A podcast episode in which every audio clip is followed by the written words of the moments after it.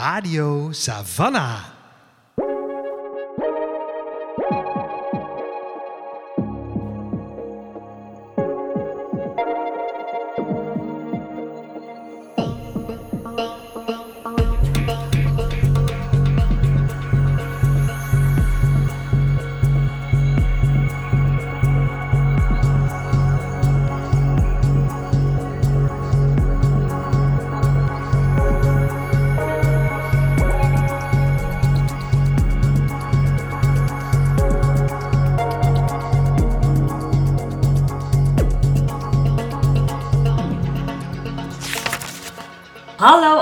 En welkom bij een nieuwe aflevering van Radio Savannah, de podcast van Boekwinkel Savannah B. Ik ben Suzanne En ik ben Lola. en Savannah B is een onafhankelijke boekwinkel in het centrum van Utrecht. Wij zijn gespecialiseerd in feministische literatuur. Voor ons wil dat zoveel zeggen als literatuur op het snijvlak van gender, queerness, dekolonisatie en het klimaat. En in elke aflevering van de podcast zetten we een boek, persoon of verhaal in het zonnetje. Waarvan wij eh, geloven dat die wat meer aandacht verdient. Een dikke vette spotlight. Ja. En ik denk eigenlijk dat dit wel een boek is eh, waar dat heel erg voor geldt. Zeker. En ik, eigenlijk denk ik ook wel dat als de tijd een beetje verstrijkt, dit boek die positie ook wel gaat krijgen. Maar op het moment kunnen we het er best nog wat vaker over hebben. Ja, dus we geven het even een zetje. Yes. Eh, en het gaat om het boek De waarheid zal me bevrijden van Alejandra Ortiz. Yes. Ja, echt een bijzonder boek. Enig in zijn soort, voor zover ik weet, in de Nederlandse ook. context. Ja, Heel erg de moeite waard. Veel mensen gaan hier veel van leren. Eh, hebben wij in ieder geval wel gedaan. zeker. Radio Savannah. Ehm, het kan zomaar dat je denkt, Alejandro Ortiz, Alejandro Ortiz. Wie is dat eigenlijk? Who's that? Eh, dat zou kunnen in de zin, dit is het eerste boek van Ortiz. Dus als je een veellezer bent, kan het zijn dat je er nog niet kent. Dit is haar eerste eh, verhaal wat je vaak kan lezen. Echter, Ortiz is al wel in de media een tijdje langer hoorbaar. Eh, ze is ook met de publicatie van dit boek de publieke ruimte nog meer ingestapt. Geeft interviews, er is veel interesse in haar verhaal. Ehm, ze is een transvluchteling uit Mexico. Die zich in Nederland eh, heel erg inzet voor een beter leven van transpersonen. In het bijzonder transpersonen van kleur. eh, zowel eh, mensen met papieren als zonder papieren. Ze heeft onder andere een taalhuis opgezet, symposia georganiseerd, meegeschreven aan allerlei onderzoeksrapporten. allemaal om de positie van transvluchtelingen te verbeteren. Dat werk is ook erkend, bijvoorbeeld eh, door de Wing Community Award, die ze dit jaar, eh, eerder dit jaar ontving. Yes. En in 2022 kwam De Waarheid zal me bevrijden uit bij uitgeverij Lebowski. Vertaald door Simone Peek. Ja. Ehm, en daarin vertelt Alejandra eigenlijk haar verhaal. Mhm. Eh, wat heel simpel klinkt als ik het zo zeg, maar dat is nogal een, een leven en een verhaal wat ze, wat ze te delen heeft. Mhm. Ehm, het boek is eigenlijk opgesplitst in twee tijdlijnen die door elkaar heen gevlochten zijn. Ehm, aan de ene kant begin je heel erg aan het begin van Alejandra's leven als zij opgroeit in Mexico. Mhm. Eh, in een heel arm gezin waar allerlei eh, problemen zijn en waar zij ook heel erg niet geaccepteerd wordt hoe ze is, eh, niet zich kan ontwikkelen, eh, Mhm. niet gewaardeerd wordt en gewoon niet kan zijn wie ze is of wie ze wil worden. Mhm. Ehm, en ehm, vervolgens vlucht ze naar de VS, waar ze een tijdje als illegale vluchteling woont. En daar eh, spendeert ze eigenlijk een groot deel van haar tiener en vroege twintiger jaren. Eh, dus dat is lijn 1. Mhm. Tegelijkertijd is daar een tweede eh, tijdlijn, namelijk in 2015, als Alejandra aankomt op Schiphol. En bij de eh, douane zegt: Hoi, ik ben hier om asiel aan te vragen en ik wil dat proces in. Ja. Eh, waarna ze dus eerst op Schiphol een tijd ja, Doorbrengt. doorbrengt, Ja. gevangen gezet Ja. wordt. In elk geval de, eh, door allerlei overheden en instanties bekeken moet worden. Wie ben jij en wat moeten we met je? Ja. En wat gaan we doen met je? Ja, Eh, vervolgens zit ze een tijd in Ter Apel. En dan wordt ze overgeplaatst naar een AZC in Echt, Mhm. in Limburg. En daar spendeert ze nou, twee, dikke twee jaar, jaar. ja. dus daar ehm, zijn wij een hele tijd met haar. Ehm, tot en met 2018, wanneer zij eh, vlucht uit het AZC. En dan eh, kijken we in het allerlaatste hoofdstuk in het epiloog nog even terug, geschreven in 2022, op eh, de jaren daartussen. ja, En ook waar haar ambities nu liggen. ja. Het klinkt allemaal nog heel abstract, maar dit wordt beter.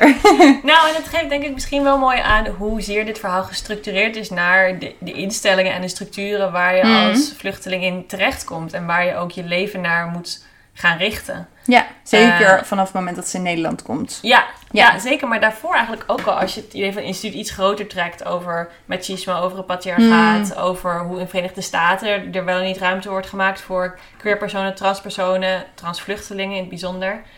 Ehm, en dat, wat dit boek mooi laat zien is dat die structuren die bepalen inderdaad voor een groot deel het leven, maar tegelijkertijd gaat het leven door. En gaan emoties door en worden relaties opgebouwd. Eh, en dat moet zich allemaal soort van zien te schikken naar die instituten. Maar het is nog net zo'n belangrijk onderdeel van ieder leven. ja, ja, zeker. Die twee lijnen zijn redelijk chronologisch door elkaar heen gevlochten. En dat klinkt nu heel gekunsteld, maar dat is het eigenlijk helemaal niet. Nee. De, er wordt gewoon vrij, Alejandro vert- vertelt vrij direct wat er wanneer gebeurt. Ehm, en probeert daar ook niet een soort van kunstmatige rode draad in, of een soort van, van hoger thema, eh, Nee. bepaalde symbolen die de hele tijd zich herhalen, of op een soort van poëtisch eh, eh, sausje eroverheen te go- gooien. Dat zit er echt. Het is heel. Dit hele boek is heel beschrijvend. Er zitten mensen in, die mensen verdwijnen soms weer. De, de, de, de- ongekunst, het heeft iets ongekunsteld. Ja, zeker. Ongekunsteld. Ongekunsteld. ja, ja, dat heeft het inderdaad echt. Wat het wel eh, doet, wat mij betreft, het, mis- het wisselen van die twee verhaallijnen, is dat je heel duidelijk aan de ene kant het verhaal waar Alexander vandaan komt, is natuurlijk verdrietig en gewelddadig. Dat is de reden dat Ja, ze uit voor Nederland niks. komt, inderdaad. Ehm, en we leren, dat, we leren dat verhaal dus tegen in die ene tijdlijn. En dat wordt dus eh, best wel sec eigenlijk geplaatst naast een verhaal in Nederland, waarbij ze aankomt en waarbij de IND eigenlijk tegen haar zegt: Hoezo ben jij hier? Ja. Je hebt helemaal, hoezo ben jij een vluchteling? Er is helemaal niks met jou aan de hand. Je kan gewoon in Mexico wonen. En juist doordat die twee elkaar afwisselen, is dat contrast wel. En de, de, wel snoeihard, zeg Ja. maar. Ja, En komt dat, dat is wel een belangrijk retorisch effect, denk ik. ja die verhaallijnen. zeker. Ja, Ja. Ja. Want dat is inderdaad het, de situatie waar Alejandra in terechtkomt als ze in Nederland aankomt. Zij komt hier aan eh, en de IND zegt: Ja, ik weet eigenlijk helemaal niet waarom je hier bent. En de advocaten die ze toegewezen krijgt zeggen ook: Nou, ik zie geen enkele mogelijkheid dat jij hier blijft. Hou er maar Mexi- mee op. ja, Mexico staat in het systeem als een veilig land. Ja. Ze hebben er homohuwelijk is eh, legaal. Ja. Dus is het fijn voor alle eh LHBTIQ personen. Ja, Dus mag jij hier niet als vluchteling komen. klopt. Dat is eigenlijk de boodschap die ze, nou, keer op keer, blijkt naarmate je doorleest, Ja. krijgt. En na die eerste afwijzing eh, komt Alejandra dus terecht in het hele asielaanvraagproces. En ja. Eh, dat is waar we daar dus het grootste deel van het boek in volgen. En wat, wat mij betreft een van de meest interessante dimensies van dit boek is, is dat je heel veel leert over hoe dat proces eruit ziet Ja. en wat dat met, je, met jou als mens en met je menselijkheid doet. Ja. Ja. Eh, en ik denk dat met mij heel veel lezers hier eigenlijk heel weinig van af weten. En wat ik in het begin ook zei, dit boek is een soort enig in zijn soort in Nederland. Ik heb best wel een aantal boeken ken ik en dat zijn ook bestsellers geweest van eh Valerie Luzelli bijvoorbeeld over eh, asielaanvragen in Amerika, in de Verenigde Staten. In Nederland ken ik deze boeken niet. En ken ik de verhalen over de IND alleen ja, uit het nieuwsreportages, zeg maar, Mhm. maar niet deze menselijke kant ervan. En ik vind het heel waardevol dat hier een, een roman over is verschenen, een autobiografische roman. Ja, en ook dat het dus die specifieke Ja, eh, context heeft van tussen aanhalingstekens, je, je komt uit een veilig land. Ja. Dus wat er meerdere keren en op verschillende, vanuit verschillende eh, landen gebeurt, is: oh ja, alle personen uit Syrië. Ik Ja. roep maar even een, een, een plek waar wat heel duidelijk eh, onveilig is. En waar mensen dus relatief supersnel die molen door kunnen Mhm. om eh, die asielprocedure te doorlopen. Eh, waarmee ik en Alejandra ook absoluut niet wil zeggen dat dat simpel of Nee. onterecht of wat dan ook is. Maar Ja. er is gewoon een heel duidelijk verschil. Ehm, en zij, zij vertelt echt het verhaal van de mensen die een beetje tussen wal en schip vallen. Ja. En daar zijn er heel veel van. ja, Eh, en in haar geval hangt dat heel erg sa- samen met haar trans zijn. mhm. Ehm, en dat is super, ja, dat, dat ken ik inderdaad niet. nee, Dat is, eh, ja. Ja, en dat onderscheid wat IND dus aanbrengt tussen verschillende mensen die asiel aanvragen, heeft een heel grote impact op hoe die gemeenschap ook in het AZC leeft. Ja, Dat eh, een soort van zelfsegregatie, of nou ja, dus geen zelfsegregatie, maar eigenlijk top-down segregatie, ehm, ja, aange- aangemoedigd wordt. Ehm, door, ja, deze groepen mensen worden eigenlijk tegen elkaar uitgespeeld ook. ja. Ehm, ja en er ontstaan, er ontstaan heel veel mooie dingen, maar Ja. ook afgunst, eh, eh, de, ja, geweld, Ja. fysiek, emotioneel. eh, ehm, mensen die stelen van elkaar, mensen die uit pure frustratie de boemer in de fik proberen te steken. Er, er gebeurt van alles. ja, En de, de eh, oorzaak daarvan ligt echt in het systeem. ja, door hoe langzaam het gaat, onder andere, hoe complex het is. Ja. Uh, hoe slecht er gecommuniceerd wordt met Ja. de mensen die asiel aanvragen. En hoe weinig tools er ook geboden worden Ja. om eh, nou, überhaupt iets voor jezelf te doen, je Ja. te ontwikkelen, maar ook om dat juridische proces aan te gaan, Ja. om daar tekst en uitleg over te geven. Ja.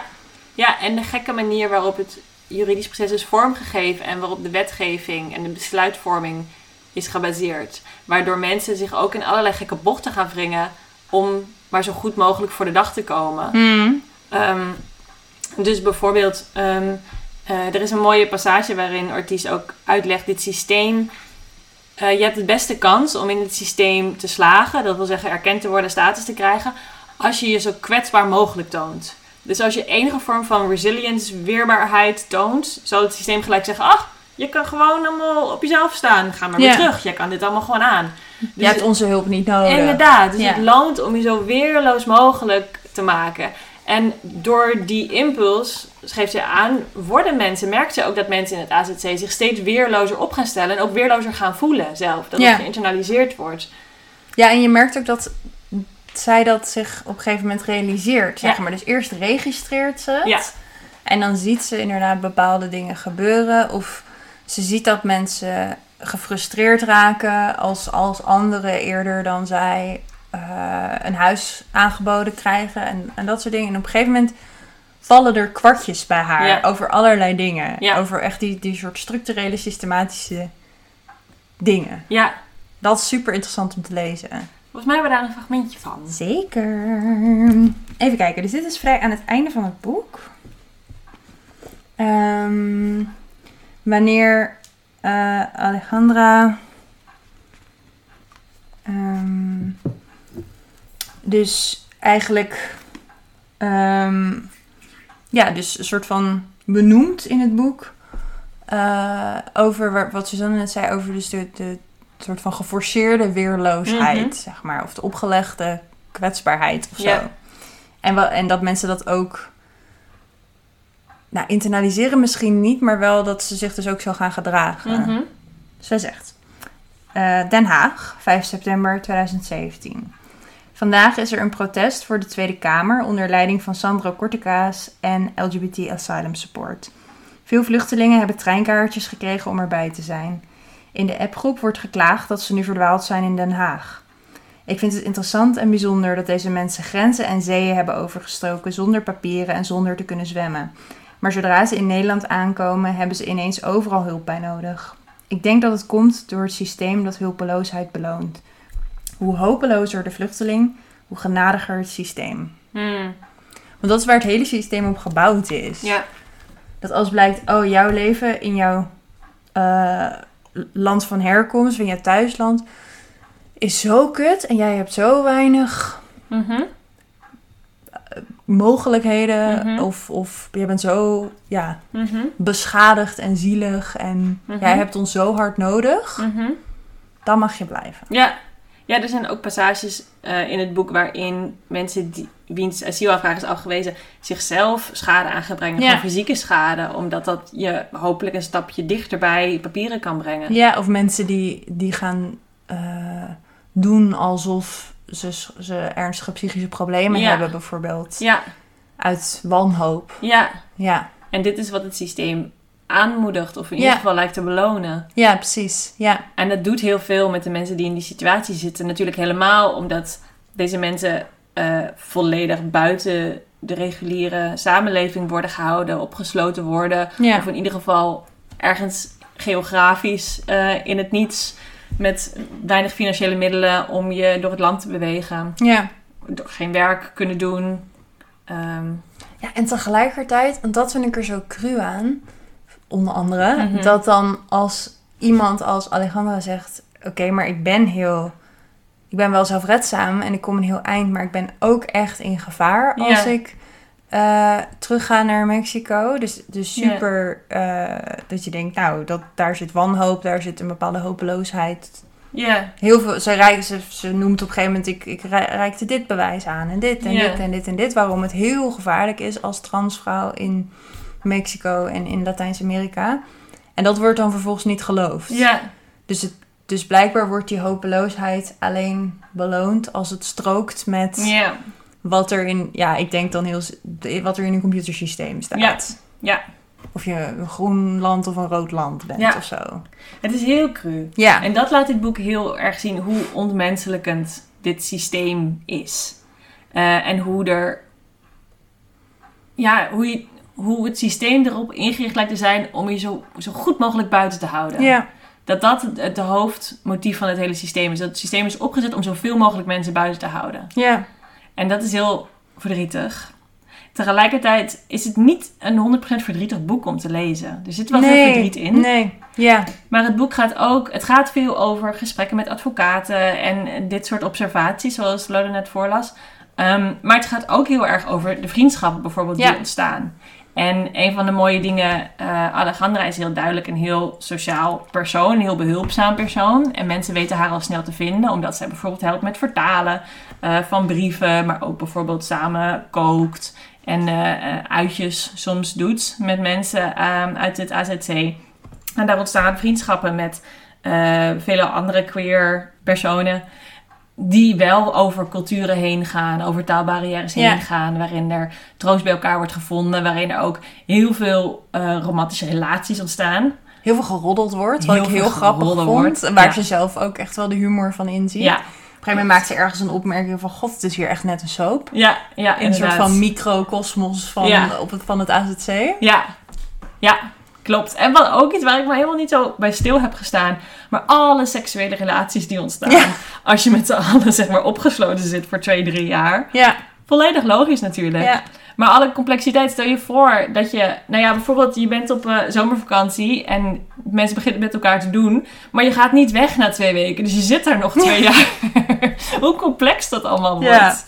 En eh, soms echt gewoon nou, kalverliefdes en leuke one-night stands, maar ook langdurige relaties. ja, Wat het natuurlijk nog ingewikkelder kan maken als bijvoorbeeld je partner naar een ander AZC wordt overgeplaatst. En je hebt niet de financiële middelen om elkaar regelmatig te bezoeken of treinkaartjes te kopen. ja. En ook eh, sekswerk. Ja, En ook eh, min, eh, gewelddadige relaties. Ja. Dus het is een heel breed scala Ja. aan, aan menselijke relaties worden er, ja, worden er genoemd. Ik vond het ook heel sterk in het boek dat... dat, het, dat zit ook in dat ongekunstelde... dat dus inderdaad mensen verdwijnen uit het boek. Ja. Dus er worden... Ja, personages is niet eens het goede woord... maar er worden mensen... eh, die ontmoet je... Eh, nou, eh, Piet uit, uit, uit Irak. Ja, bijvoorbeeld. Bijvoorbeeld. Piet uit Irak, Piet uit Irak. niet? en die is dan, op een gegeven moment lees je dan, oh, die heeft een, een huis aangeboden gekregen in, in Zutphen. Nou, Ja. Zie je nooit meer terug. Nee. En dan kan het wel dat daar alsnog blijvende vriendschappen uit ontstaan zijn en dat wij er niet over lezen. Ja, Ehm, maar het kan maar zo dat je iets aangaat met iemand en diegene krijgt bericht en die is dan dat, dat er een huis is of, een, of dat diens verzoek tot, eh, eh, tot Asiel. asiel, eh, toegekend, gehonoreerd, Ja. geaccepteerd ja, is. Nou, en dan, dan is diegene weg uit het AZC. Ja, klopt. En dat is heel. en Zij doet geen enkele moeite Nee, om dat soort van aan elkaar te knopen. Of Nee. om nog in haar eigen terugblik te zeggen... nou, met die gaat het nu zo. Ja, en met ja, die gaat ja. het nu zo. Nee. Dat, en dat is ook niet nodig. Maar, Nee. Want dat is hoe het gaat. ja. Nou, en dat is echt gewoon de vorm, want ze is geen onderzoeksjournalist, zeg maar. Nee. Dit is echt gewoon, het wordt ook gepresenteerd, de vorm is die van een dagboek. Zeg maar datum, plaats en dan vertelt ze wat er die dag gebeurt. Volgende keer datum, plaats. Dus het is echt gewoon, een, ja, het is niet letterlijk een ego-document, maar het is, het is vormgegeven als een soort van semi-dagelijkse update van dit is Ja. hoe mijn leven eruit ziet. Ja. En dat is natuurlijk ook, of tenminste dat leren we uit dit boek, is de realiteit van leven in een AZC. Dat soms komen mensen, soms gaan ze en dan zijn ze opeens weer terug en soms zie je ze nooit Ja. meer. En soms heb je een heel leuk feestje... en dan is er de dag daarna... Ja.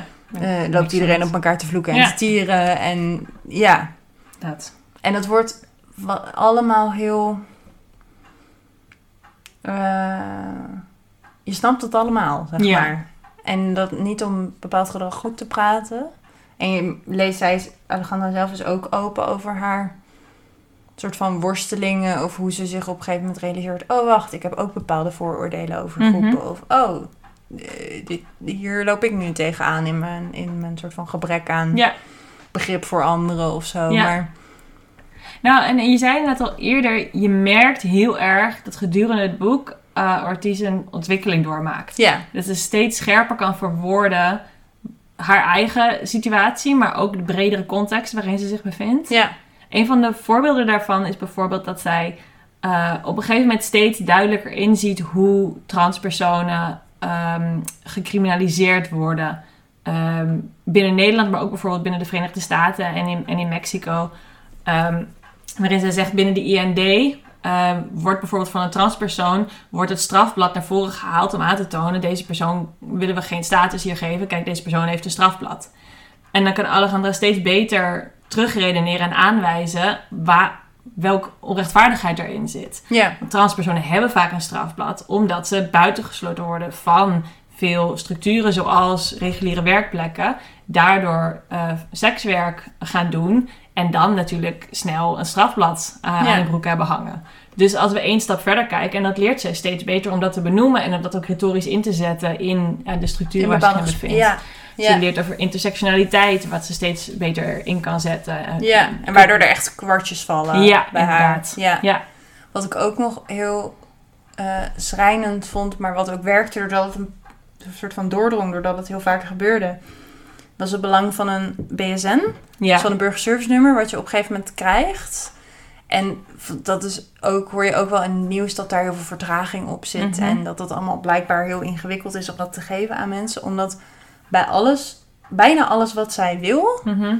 of het nou een bankpas is of een eh, opleiding Mhm. of zogenaamde mogelijkheden die dan geboden worden aan, aan mensen uit de AZC, moet je een burgerservice nummer hebben. En is er dus ook nul flexibiliteit voor mensen die dat niet hebben. Ja.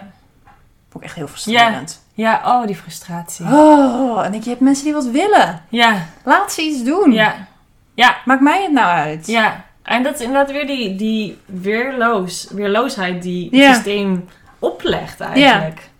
Ja. heel frustrerend. Ja. En ehm, wat interessant denk ik ook wel is aan het boek, is dat het ook dat heel erg benadrukt. Mm. En dat dat systeem beïnvloedt de mensen die erin werken. Ja.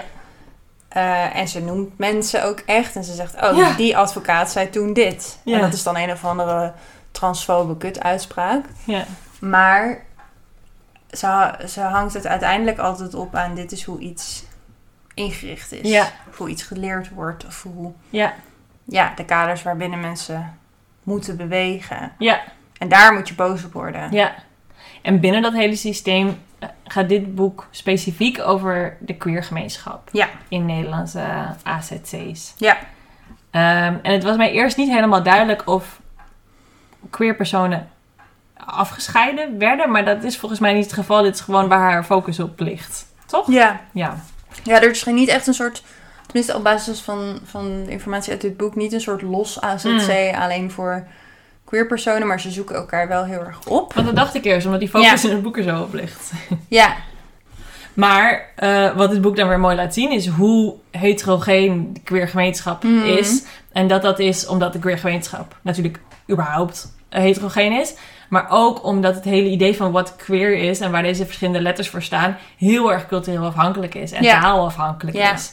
En daar komen natuurlijk ook weer allerlei problemen uit. Bijvoorbeeld ehm, eh, het idee van homo zijn, bijvoorbeeld. Wat in Nederland wordt gezien als een man die seksuele relaties heeft of wil hebben met een andere man. En bijvoorbeeld in Arabische culturen, maak ik op uit dit boek, of leer ik uit dit boek, is het woord homo specifiek voor eh, de bottom in een Mm. man-man seksuele relatie. En een top zou niet als homo worden eh, benoemd. ja, Waardoor je in allerlei gekke vertaalproblemen komt als je hier eh, asiel aanvraagt. ja. Dus ze beschrijft eh, ook dat het woord travestie, Ja. dus met alleen een i, niet een e, eh, dat wordt in Mexico gebruikt en ik neem aan in, in wellicht in meer Latijns-Amerikaanse landen voor transpersonen.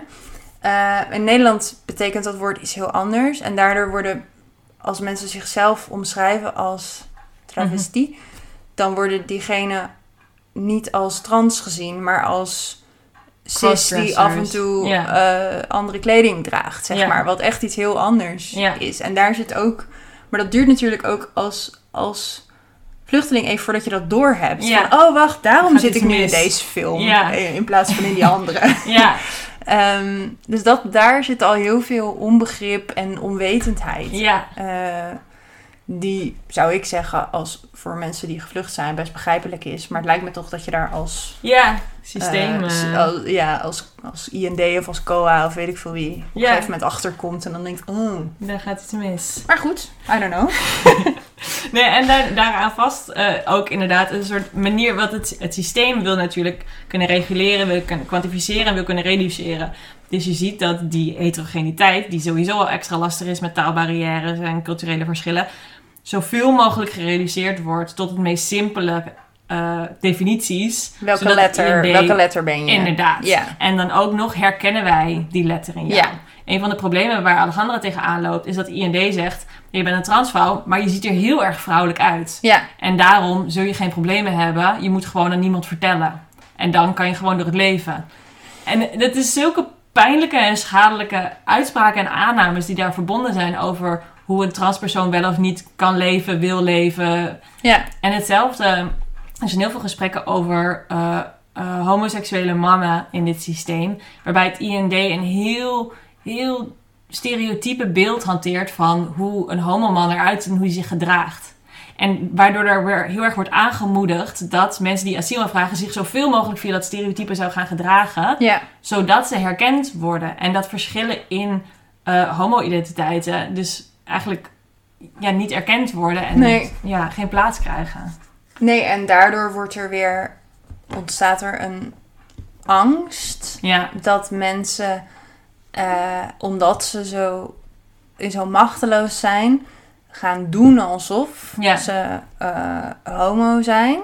En dan zich ook heel soort van extravagant en flamboyant Ja. presenteren en gedragen. En dat een soort van faken. ja, En dan vervolgens, zodra ze asiel hebben aangevraagd en gekregen en ze mogen in Nederland Ja. blijven, dan, ja, ik zit, ben, ga even aanhalingstekens Ja. doen, maar dan worden ze weer hetero. ja, En daar zit superveel, ehm ja, dat het dan, dan ben je dus het systeem aan het, ja, eh, ja, Misleiden. ofwel misleiden, Ja. je bent aan het frauderen of je bent het strategisch aan het gebruiken, Ja. afhankelijk van hoe je het ziet. ja, Ehm, maar daar zit vanuit het IND en vanuit heel veel hulporganisaties in Nederland hoe Alejandra dat beschrijft, heel veel angst. Van dat, dat kunnen we niet laten gebeuren. Ja. Want dat is slecht voor, voor alles en iedereen. Ja. Wat eigenlijk een soort van bliksemafleider is. Ja, Waar alle aandacht naartoe gaat. Eh, en waarmee heel veel schade ook wordt aangericht. ja.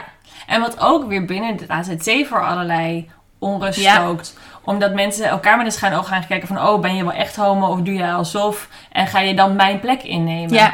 Dus het, het is ontzettend lastig, eh, lastige dynamiek. Omdat ook, zoals Alejandro ook aantoont van... Goh, je kan het mensen ook niet echt kwalijk... Stel dat ze doen alsof ze homo zijn, terwijl ze niet homo zijn. Hoe kun je mensen kwalijk nemen Ja. als ze anders worden teruggestuurd naar een land... waar ze om wat voor reden dan ook eh, geweld aan wordt gedaan of Ja. niet veilig zijn. Of gewoon niet willen zijn. Ja, inderdaad. Dat, eh, ja.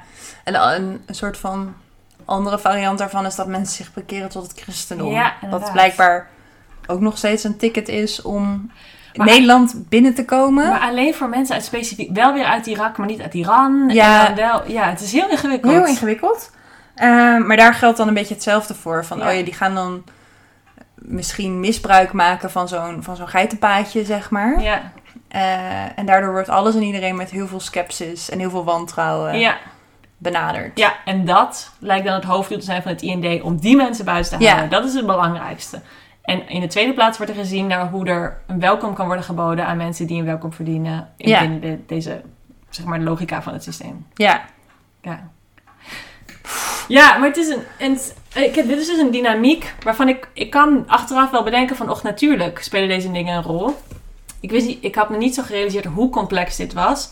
En hoe specifiek queerness en queer identiteiten, queer ervaringen eh, binnen dit systeem eigenlijk een heel, door hun heterogeniteit, een heel ongemakkelijke positie hebben. Ja, en wat daar nog wel ook specifiek in Alejandro's verhaal belangrijk in is, is dat zij zich eigenlijk gedurende het boek steeds meer bewust wordt van het verschil tussen gender en seksualiteit.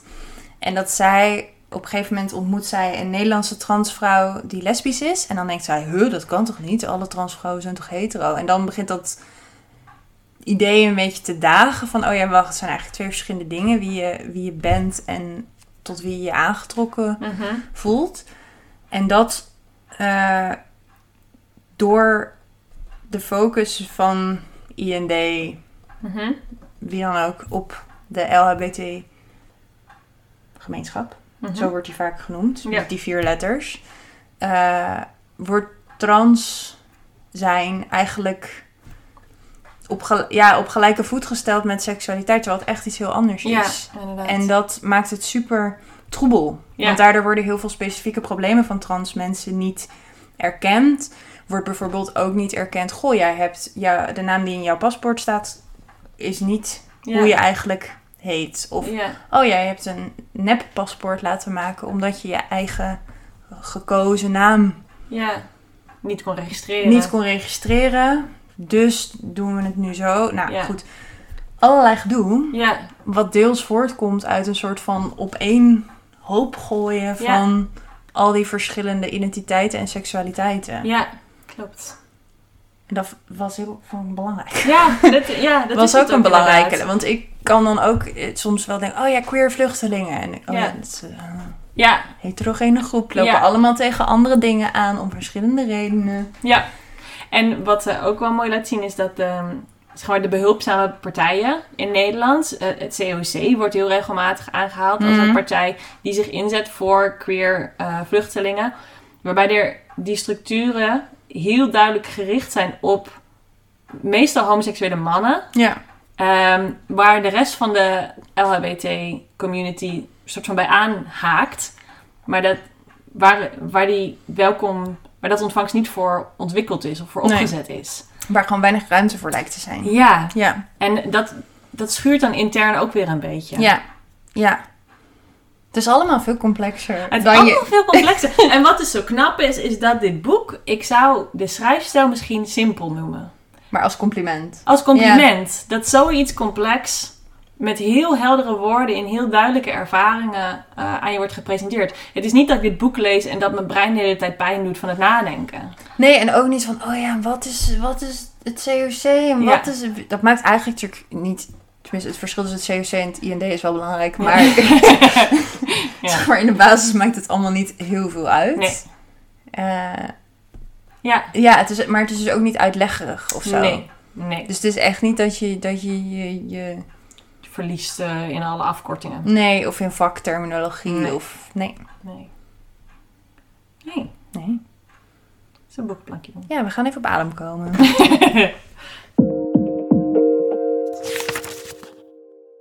Ehm, we nemen even een stapje terug. Ja. Richting ons boekenplankje. Hey.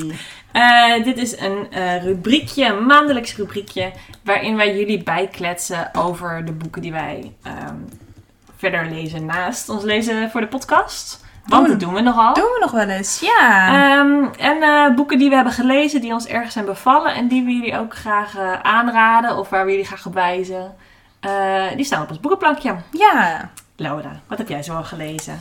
Ben je lekker aan het lezen? Ja, op zich wel. Ik, las, ik zit een beetje in de eh, makkelijk en snel te lezen, maar wel fijn. Haha. Eh, dat genre. Ja, je, Je kent het het wel. Ehm, en eh één boek wat ik las, wat misschien ook mensen wel in elk geval van naam kennen, want volgens mij was het vrij gehyped op het internet ook, was Outlawed van Anna North. Ik had er nog nooit van gehoord. Ja, misschien onze luisteraars wel. Eh verschenen in 2021. Ehm, en dit boek eh, gaat, speelt zich af eind 1800 in Amerika. Het Wilde Westen. Ehm, en gaat over een, eh, een, jonge, een jonge vrouw, een tienermeisje, Ada. En zij woont dus in een heel klein dorp. Ehm, en haar moeder is eh vroedvrouw. En ze heeft eh, nog wat kinderen eromheen dwarrelen. En zij trouwt op haar zeventiende. En al, allemaal, ze is helemaal verliefd op die jongen. Dat is allemaal vreselijk gezellig. En dan blijkt dat zij geen kinderen kan krijgen. Hmm. Zij krijgt niet binnen een jaar Hmm. kinderen. Waardoor zij in combinatie met haar moeder, die vroedvrouw is, eh, het stempel heks. Hmm. dreigt te krijgen. Nou, dat wil je niet. Dan heb je een probleem. Dus zij vlucht. Ja. Zij gaat weg. En via een bepaalde omweg komt zij terecht bij een gang. Ah. Cowboys. Oh, oké. Eh, De Hole in the Wall gang. Sure. En ehm, dat blijkt een gang te zijn, een beetje Robin Hood-achtig, met allemaal queer mensen of mensen die buiten het systeem vallen. Ja hoor, er zitten allemaal lijntjes in. Eh, die een eh, betere plek voor zichzelf willen Ja. maken. Ja. En dit is natuurlijk een, avontuur. Ja. Dus dit, eh, je, je ontmoet een soort, een soort cast of characters die op een gegeven moment een missie hebben. Een heist? Bijvoorbeeld. Ja. En ehm, ja, ik moet er denk ik ook gewoon dan niet veel over zeggen. Is het spannend? Ja. Is het grappig? Ook wel. Het is vooral, het is, je, volgens mij zijn de filmrechten al verkocht, zeg maar. Dat snap ja, je zo. helemaal. Ja. En het is dus, eh, ja, het, her, het herontdekt wel heel erg dat genre ook. Ja. Van een soort van macho, ja. cowboy. Je kent het wel, dat genre. dat genre. Ja. Eh, en het gaat er ook echt over gevonden familie, over ja. ook de strubbelingen die daarbij komen kijken. En ook je, ja, je eigen plek bevechten in de wereld. Je zit wel lekker in je, je queer historische fictie. Met Ja, je lesbische piraten en queer cowboys. Ja. Nice. Ja, dus dat... eh, ja, ik kan me voorstellen dat het een lekker, lekker vakantieboek is. Mhm. Lekker zomerboek. Lees het natuurlijk als een trein. Mhm. En eh, ja, ik heb uh, hartstikke, hartstikke gezellige tijd mee gehad. Leuk. Het is wel een eh, gewelddadig tijdperk. Oké. Dus ne- dat, Fysiek gewelddadig? Ja. Oké. Dus neem dat mee. Eh, zoek misschien heel even trigger warnings op als Hm. je dat wil. Ehm, want er zit wel wat gewe- wel geweld in en gaat ook veel over eh, ja, de gevolgen van onvruchtbaar zijn of geen Ja. kinderen kunnen krijgen. Ja. Eh, en wat dat oproept eh, Ja. bij mensen. Nice. Maar wel, een leuke tip. ja, New York Times bestseller. Oh, had Staat hier op de omslag, zie ik. Nou, dat zal het wel zo zijn. Wat heb jij gelezen, Suus? Ehm, nou, wat ik laatst gelezen heb, is een boek. Het is al een ouder boek. Het is van 2016. Maar sindsdien zijn er allemaal ehm, sequels. Hmm. Eh, ik wil met RuPaul de sequel zeggen. Maar dan moet ik even denken, wat is ook weer het goede woord? Er zijn heel veel sequels. Sequels. eh, opvolgers geweest. Eh, maar het is, een, het is een kinderboek. En het heet eh, The Wild Robot. Vertaald is De Wilde Robot. Van Peter Brown. Het komt uit 2016. Ehm, en het is een heel fijn, spannend 9-plus boek. Hmm. Ehm, maar ik vind het zelf ook een super interessant, ehm, zeg maar, posthumanistisch klimaatboek. Oké. Ehm, en daarom dacht ik, ik geef het jullie gewoon mee. Want eh, Ja. ja. misschien ben je een kind of heb je kinderen en vind je het interessant om een kinderboek te lezen. Maar dit is ook een van die kinderboeken die heel interessant zijn om te lezen. Als je bijvoorbeeld geïnteresseerd bent in posthumanisme, in het klimaat. In de manier ook waarop we daar verhalen over kunnen vertellen. Hmm. Dit is namelijk het verhaal van eh, een robot. En eh, zij komt van een vrachtschip waar allerlei robots naar een bepaalde plek werden gebracht. Maakt niet zo heel veel uit. En dat schip eh, leidt schipbreuk. En alle robots verdrinken. Oh. Nou ja, ze zijn dus nog niet begonnen te leven. Dus op zich Oh, ze- ze- ga ik gewoon in zee. Maar deze robot spoelt aan op... Ja, een, we zouden normaal gesproken zeggen een onbewoond eiland. En dat bedoelen we onbewoond door mensen. Eh, spoelt zij aan en zij boet daar een soort van op. Dus, dus zij wordt een soort van wakker. En zij is nu opeens op dat eiland. En zij moet iets met het eiland. Ja. Want zij is geprogrammeerd om aan de slag te gaan. Ja. En wat dus heel interessant is aan dit boek, is dat eh, normaal gesproken, het is natuurlijk een bepaald soort Robinsonade. Dus het verhaal van iemand die aanspoelt op een eiland en dan gaat proberen dat eiland gaan, te gaan cultiveren en een huis te bouwen. En dan weet je wel, de dagen te gaan en misschien een soort Mm. systeem op te zetten. En dan een, eh, weet ik veel, een moestuintje, precies wat we in de menselijke wereld gewend zijn. Maar dit is geen mens, dit is een robot. Ja. En een robot werkt gewoon heel anders. En dit boek wil, heeft de, wat interessant is, dat het de hele tijd weerstand biedt aan het vermenselijken van deze robot. Hmm. Dus de robot loopt nooit, maar de robot activeert haar ledematen om vooruit te komen, zeg maar. En de robot heeft natuurlijk nooit honger. En de robot hoeft niet te slapen. En zij is ook niet, helemaal niet geïnteresseerd om een bepaalde cultuur te establishen. Zij is juist geprogrammeerd om contextinformatie tot zich te nemen om zich beter aan te kunnen passen. Dus wat doet zij? Zij gaat kijken hoe de organismen op dat eiland, de dieren, de planten, maar ook de berg en de zon overleven in deze context. En zij probeert daarvan te leren en Ja. aan te passen. Dus het is super interessant, omdat het eigenlijk een soort subversie is van een Robinsonade, waarin de mens de wildernis stemt. Is dit een robot eh, die Leert. opgaat in de wildernis Ja. en leert wild te zijn? En daar, de wilde robot. En ik vind het een super interessant verhaal, want ik merkte hoe ik geneigd was. Ik verwachtte een heel ander verhaal. Ik verwachtte een andere relatie met die robot op te bouwen. En het boek houdt het de hele tijd op afstand. En er zijn natuurlijk allemaal grappige dieren en die hebben leuke avonturen. Dat is ook allemaal aan de hand. Is- Super mooie illustraties. Mm. Peter Brown is een eh, bekroonde ehm, ehm, illustrator ook. Er zitten heel mooie afbeeldingen bij. Ja, dus ik, wa- ik raad het jullie allemaal heel eh, warm aan. Dus sta er voor open om ehm, eh, er gewoon even in te duiken en het serieus te nemen.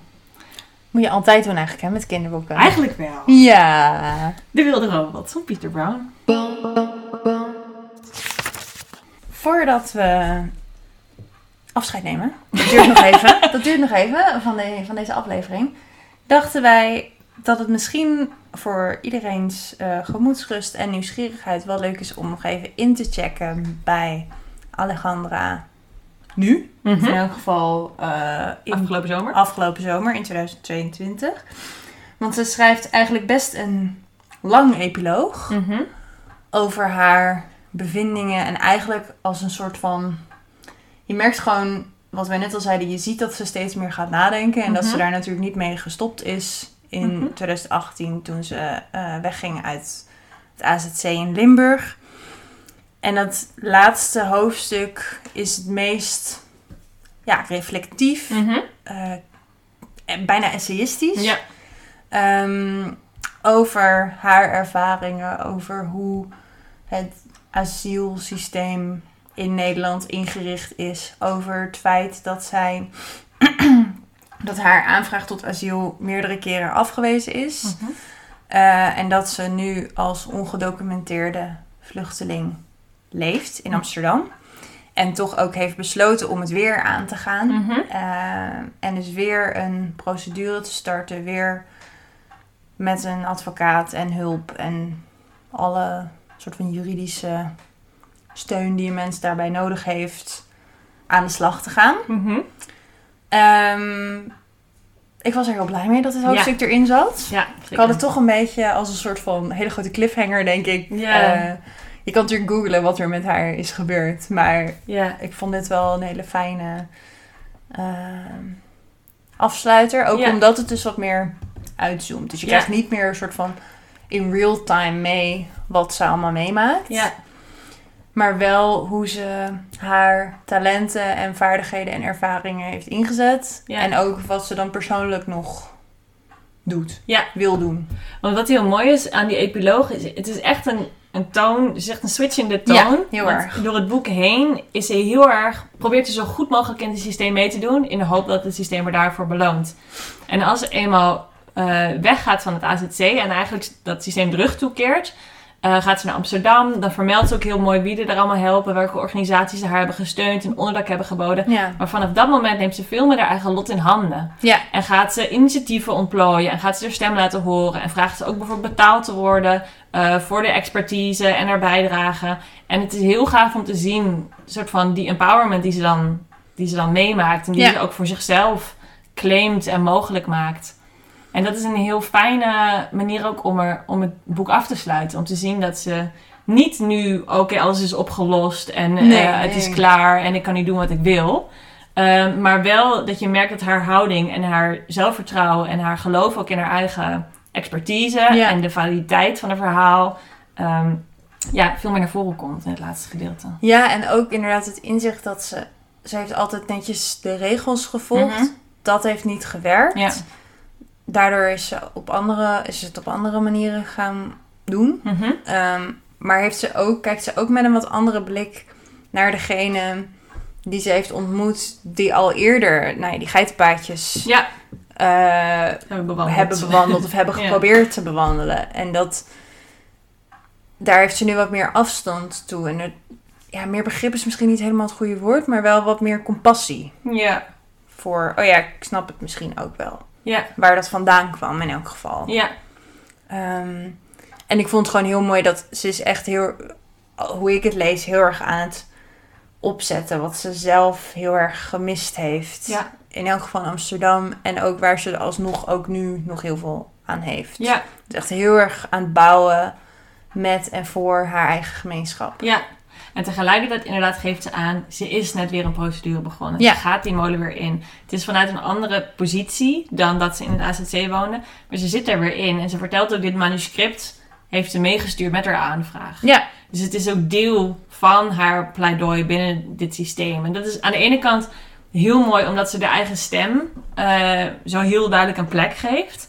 En aan de andere kant natuurlijk de tragedie dat ze nog steeds in het systeem moet zien te functioneren. Nog Ja. steeds dat die, die goedkeuring van een onmenselijk systeem nodig heeft om hier volledig ja, menselijk leven te kunnen leiden. ja, en het roept ook wel heel erg de vraag op. Niet alle mensen in haar situatie gaan een Ja. boek schrijven. Nee. Eh, en wat, Ja. wat gaan zij doen? Ja. Wat gaat hun overkomen? Ja. En dat echoot een beetje. Op een gegeven moment zit er een scène in het boek dat ze naar eh, Trans Remembrance Day Ja. in Amsterdam gaan, waarin dan de eh, vermoorde trans mensen eh, hun namen worden opgenoemd en ze daar ook de opmerking mm, deelt met, Mhm. met mensen, of de, de observatie deelt met mensen van ja, dit is natuurlijk een incomplete lijst, want mensen kunnen onder hun dead name geregistreerd zijn als overleden en dat zit ook een beetje in dat Ja. in dat idee van, oh ja, zij schrijft nu een boek en dat is heel erg geweldig Ja. en heel cool en heel hopelijk ook juridisch impactvol, dat weet Ja. ik niet. Ehm, maar dat kan niet iedereen. Nee. Maar het is wel Dus ze presenteert het ook niet als een magische sleutel Nee. of zo. Van, oh, zou iedereen dat maar kunnen? Nee. Of dat is helemaal niet wat ze doet. Nee, Maar het riep het bij mij wel een beetje op. ja. En het maakt het extra cru, die observatie waarmee we begonnen, dat dit boek het enige in zijn soort lijkt te zijn. Ja. Ik ken geen andere romans uit de Nederlandse context eh, van dit verhaal. Nee. Nee. Dus die uitzonderingspositie is eh, in ieder geval nu te vieren dat die bestaat. Maar dat het nog steeds een uitzonderingspositie is, is natuurlijk eh, even Ja. verdrietig. En een gemis. Ja, en ook, ze reflecteert ook een paar keer op dat ze nu ouder is dan ze ooit Ja, dacht te worden. Omdat de, Ja. gem- de levensverwachting voor transvrouwen, in elk geval in Mexico, eh 35 volgens Zoiets, mij is. Eh, en zij is nu ouder. ja. En ja, dat is ook gewoon een super pijnlijk en woedend makend feit. Ja. Ja. Wat misschien als laatste noot nog interessant is te vertellen, nu we het een beetje hebben over de epiloog en de totstandkoming van dit boek, is eh, na de epiloog zit er nog een noot van de vertaler in dit boek. Simone Peek. Die vertelt, eh Alejandra heeft dit boek in het Engels geschreven en Simone Peek heeft het toen naar het Nederlands vertaald en het in het Nederlands eh, uitgegeven nu. En dit Eh, is ook de, de eerste druk, zeg ja. de, de enige. Het is niet in het Engels uitgegeven, Nee. het is in het in ja, in eerste instantie in het Nederlands Ja. uitgegeven. Ja, maar Simone Peek vertelt dan ook de, het werk dat heeft zij verricht om deze vertaling tot stand te brengen. Want van het Engels naar het Nederlands vertalen, eh, ja, dat is eh, goed te doen voor Simone. Eh, maar dit boek is geen monolingual boek. Omdat Alejandra gebruikt soms Spaanse termen, omdat die recht doen aan de woorden die zij wil gebruiken. Maar ze vertelt verhalen over een AZC waarbij er allerlei verschillende talen worden gebruikt. Een van de leuke anekdotes vind ik zelf die Simone vertelt is dat Alejandra schreef soms op welke scheldwoorden ze hoorde in het AZC. Maar dat waren allemaal hele obscure Syrische of regionale scheldwoorden. Dus Simone moest dan allemaal mensen in gaan schakelen van... Ja, het klonk ongeveer zo. Weet jij wat dat Ja, betekent? weet jij wat het kan zijn? Ja. Ja. Om dat maar te kunnen achterhalen en ons over te brengen. Ja, en ze beschrijft ook dat dat echt een co-creatie Ja. was met Alejandra, die vertaling. Dus dat ze, ehm, ja, ze heeft bijna ook een soort redigerende Ja. rol gehad, wat ik wel heel mooi vond. Dus Ja. niet zo van hier is een manuscript, eh, Ja. veel plezier ermee. Ja. Ehm, en in het boek zitten ook woorden Spaans, andere talen. En die worden wel eh, ofwel door context of door een, zeg maar dubbelop. Dus dat je hem en in het Spaans en in het Nederlands een Ja. uitspraak leest. Dat is echt helemaal niet ingewikkeld. Dat Nee, wijst ja. zich echt vanzelf. Eh, maar dat maakt het wel ook heel eigen. Ja, Ehm, voordat we echt afronden, ja. Suzanne, Ja. aan wie raad jij dit boek aan? ja, echt iedereen. Ja, ik ook. Ja. Echt iedereen. En het is, ja, ik, ik kan eigenlijk niet genoeg zeggen hoe fijn ik het vind en hoe belangrijk ik denk dat het is dat dit boek er is. Ja. Ik denk dat heel veel mensen dit boek zouden moeten lezen. Maar ik denk ook dat heel veel mensen dit boek willen lezen. Ja, dat denk ik ook. En ik denk ook dat wij, dat wij zeiden van tevoren ook tegen elkaar, voordat we gingen opnemen, dat we dit allebei met heel veel plezier hebben Ja. gelezen. Wat gek voelt om over de thema's Ja. die erin besproken worden te zeggen. Ja. Ehm, maar wel waar is. Ja. Dus doe daarmee wat je wil. Nee, nee, inderdaad. Ehm. ja. ja, ja, het is wat dat betreft, je, je zou bij wijze van spreken dit boek mee naar het strand kunnen nemen. ja, En dit op vakantie te gaan zitten lezen. Omdat het is heftige thematiek, maar het is vrij nuchter en met niet moeilijk taalgebruik verteld. Het is anekdotisch verteld, dus je kan er lekker een beetje doorheen breezen. het is heel maar. erg een eigen verhaal. Ja, zeker. En het is heel erg het begin van een gesprek. Ja, Dus iedere als jij lekker aan het strand gaat liggen in Kroatië deze zomer, eh, kan je dit boek meenemen. Aan het eind van de dag ook eens even vertellen wat er gebeurd is. En een gesprek aangaan met degene wie je op vakantie bent. Ja, ik las ook in, in een interview, zei Alejandra ook, dat ze dan van bijvoorbeeld beleidsmakers of zo Mhm. terugkrijgt van, oh, ik heb je boek gelezen, heeft echt indruk gemaakt. Zegt ze, super, hartstikke bedankt. Nu moet je ons uitnodigen voor een gesprek. Mhm. Zo, en dat is heel erg ook de, de vibe die het geeft. Ja. Van, nou, je hebt een hartstikke leuke eerste stap gezet. Ja. Eh, top, hopelijk vond je het mooi. Ja. Nu door. Ja. En ik denk, als je dit eh, leest, luistert, als je dit luistert kort nadat eh, we het uitbrengen, Mhm. zitten we in Pride Maand Mhm. juni. Mhm. Eh, ik zou zeggen, support queer schrijvers in. Nederland door dit boek te kopen. Zeker. Te lezen, te delen, te, Ja. ja. Ja. erover te hebben. Ja.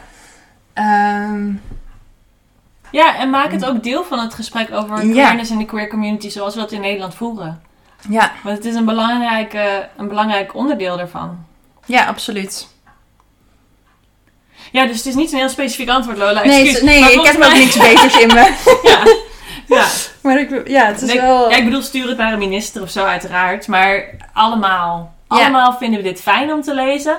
Vinden we het fijn om verliefd op haar te worden terwijl we dit boek lezen. En leren we er veel van. Ja, en geeft het je hopelijk, eh, zou ik het ook misschien proberen op te vatten als een uitnodiging om na te denken over, god, waar zit eigenlijk het AZC Ja. het dichtst bij mij in de Ja. buurt? Ja.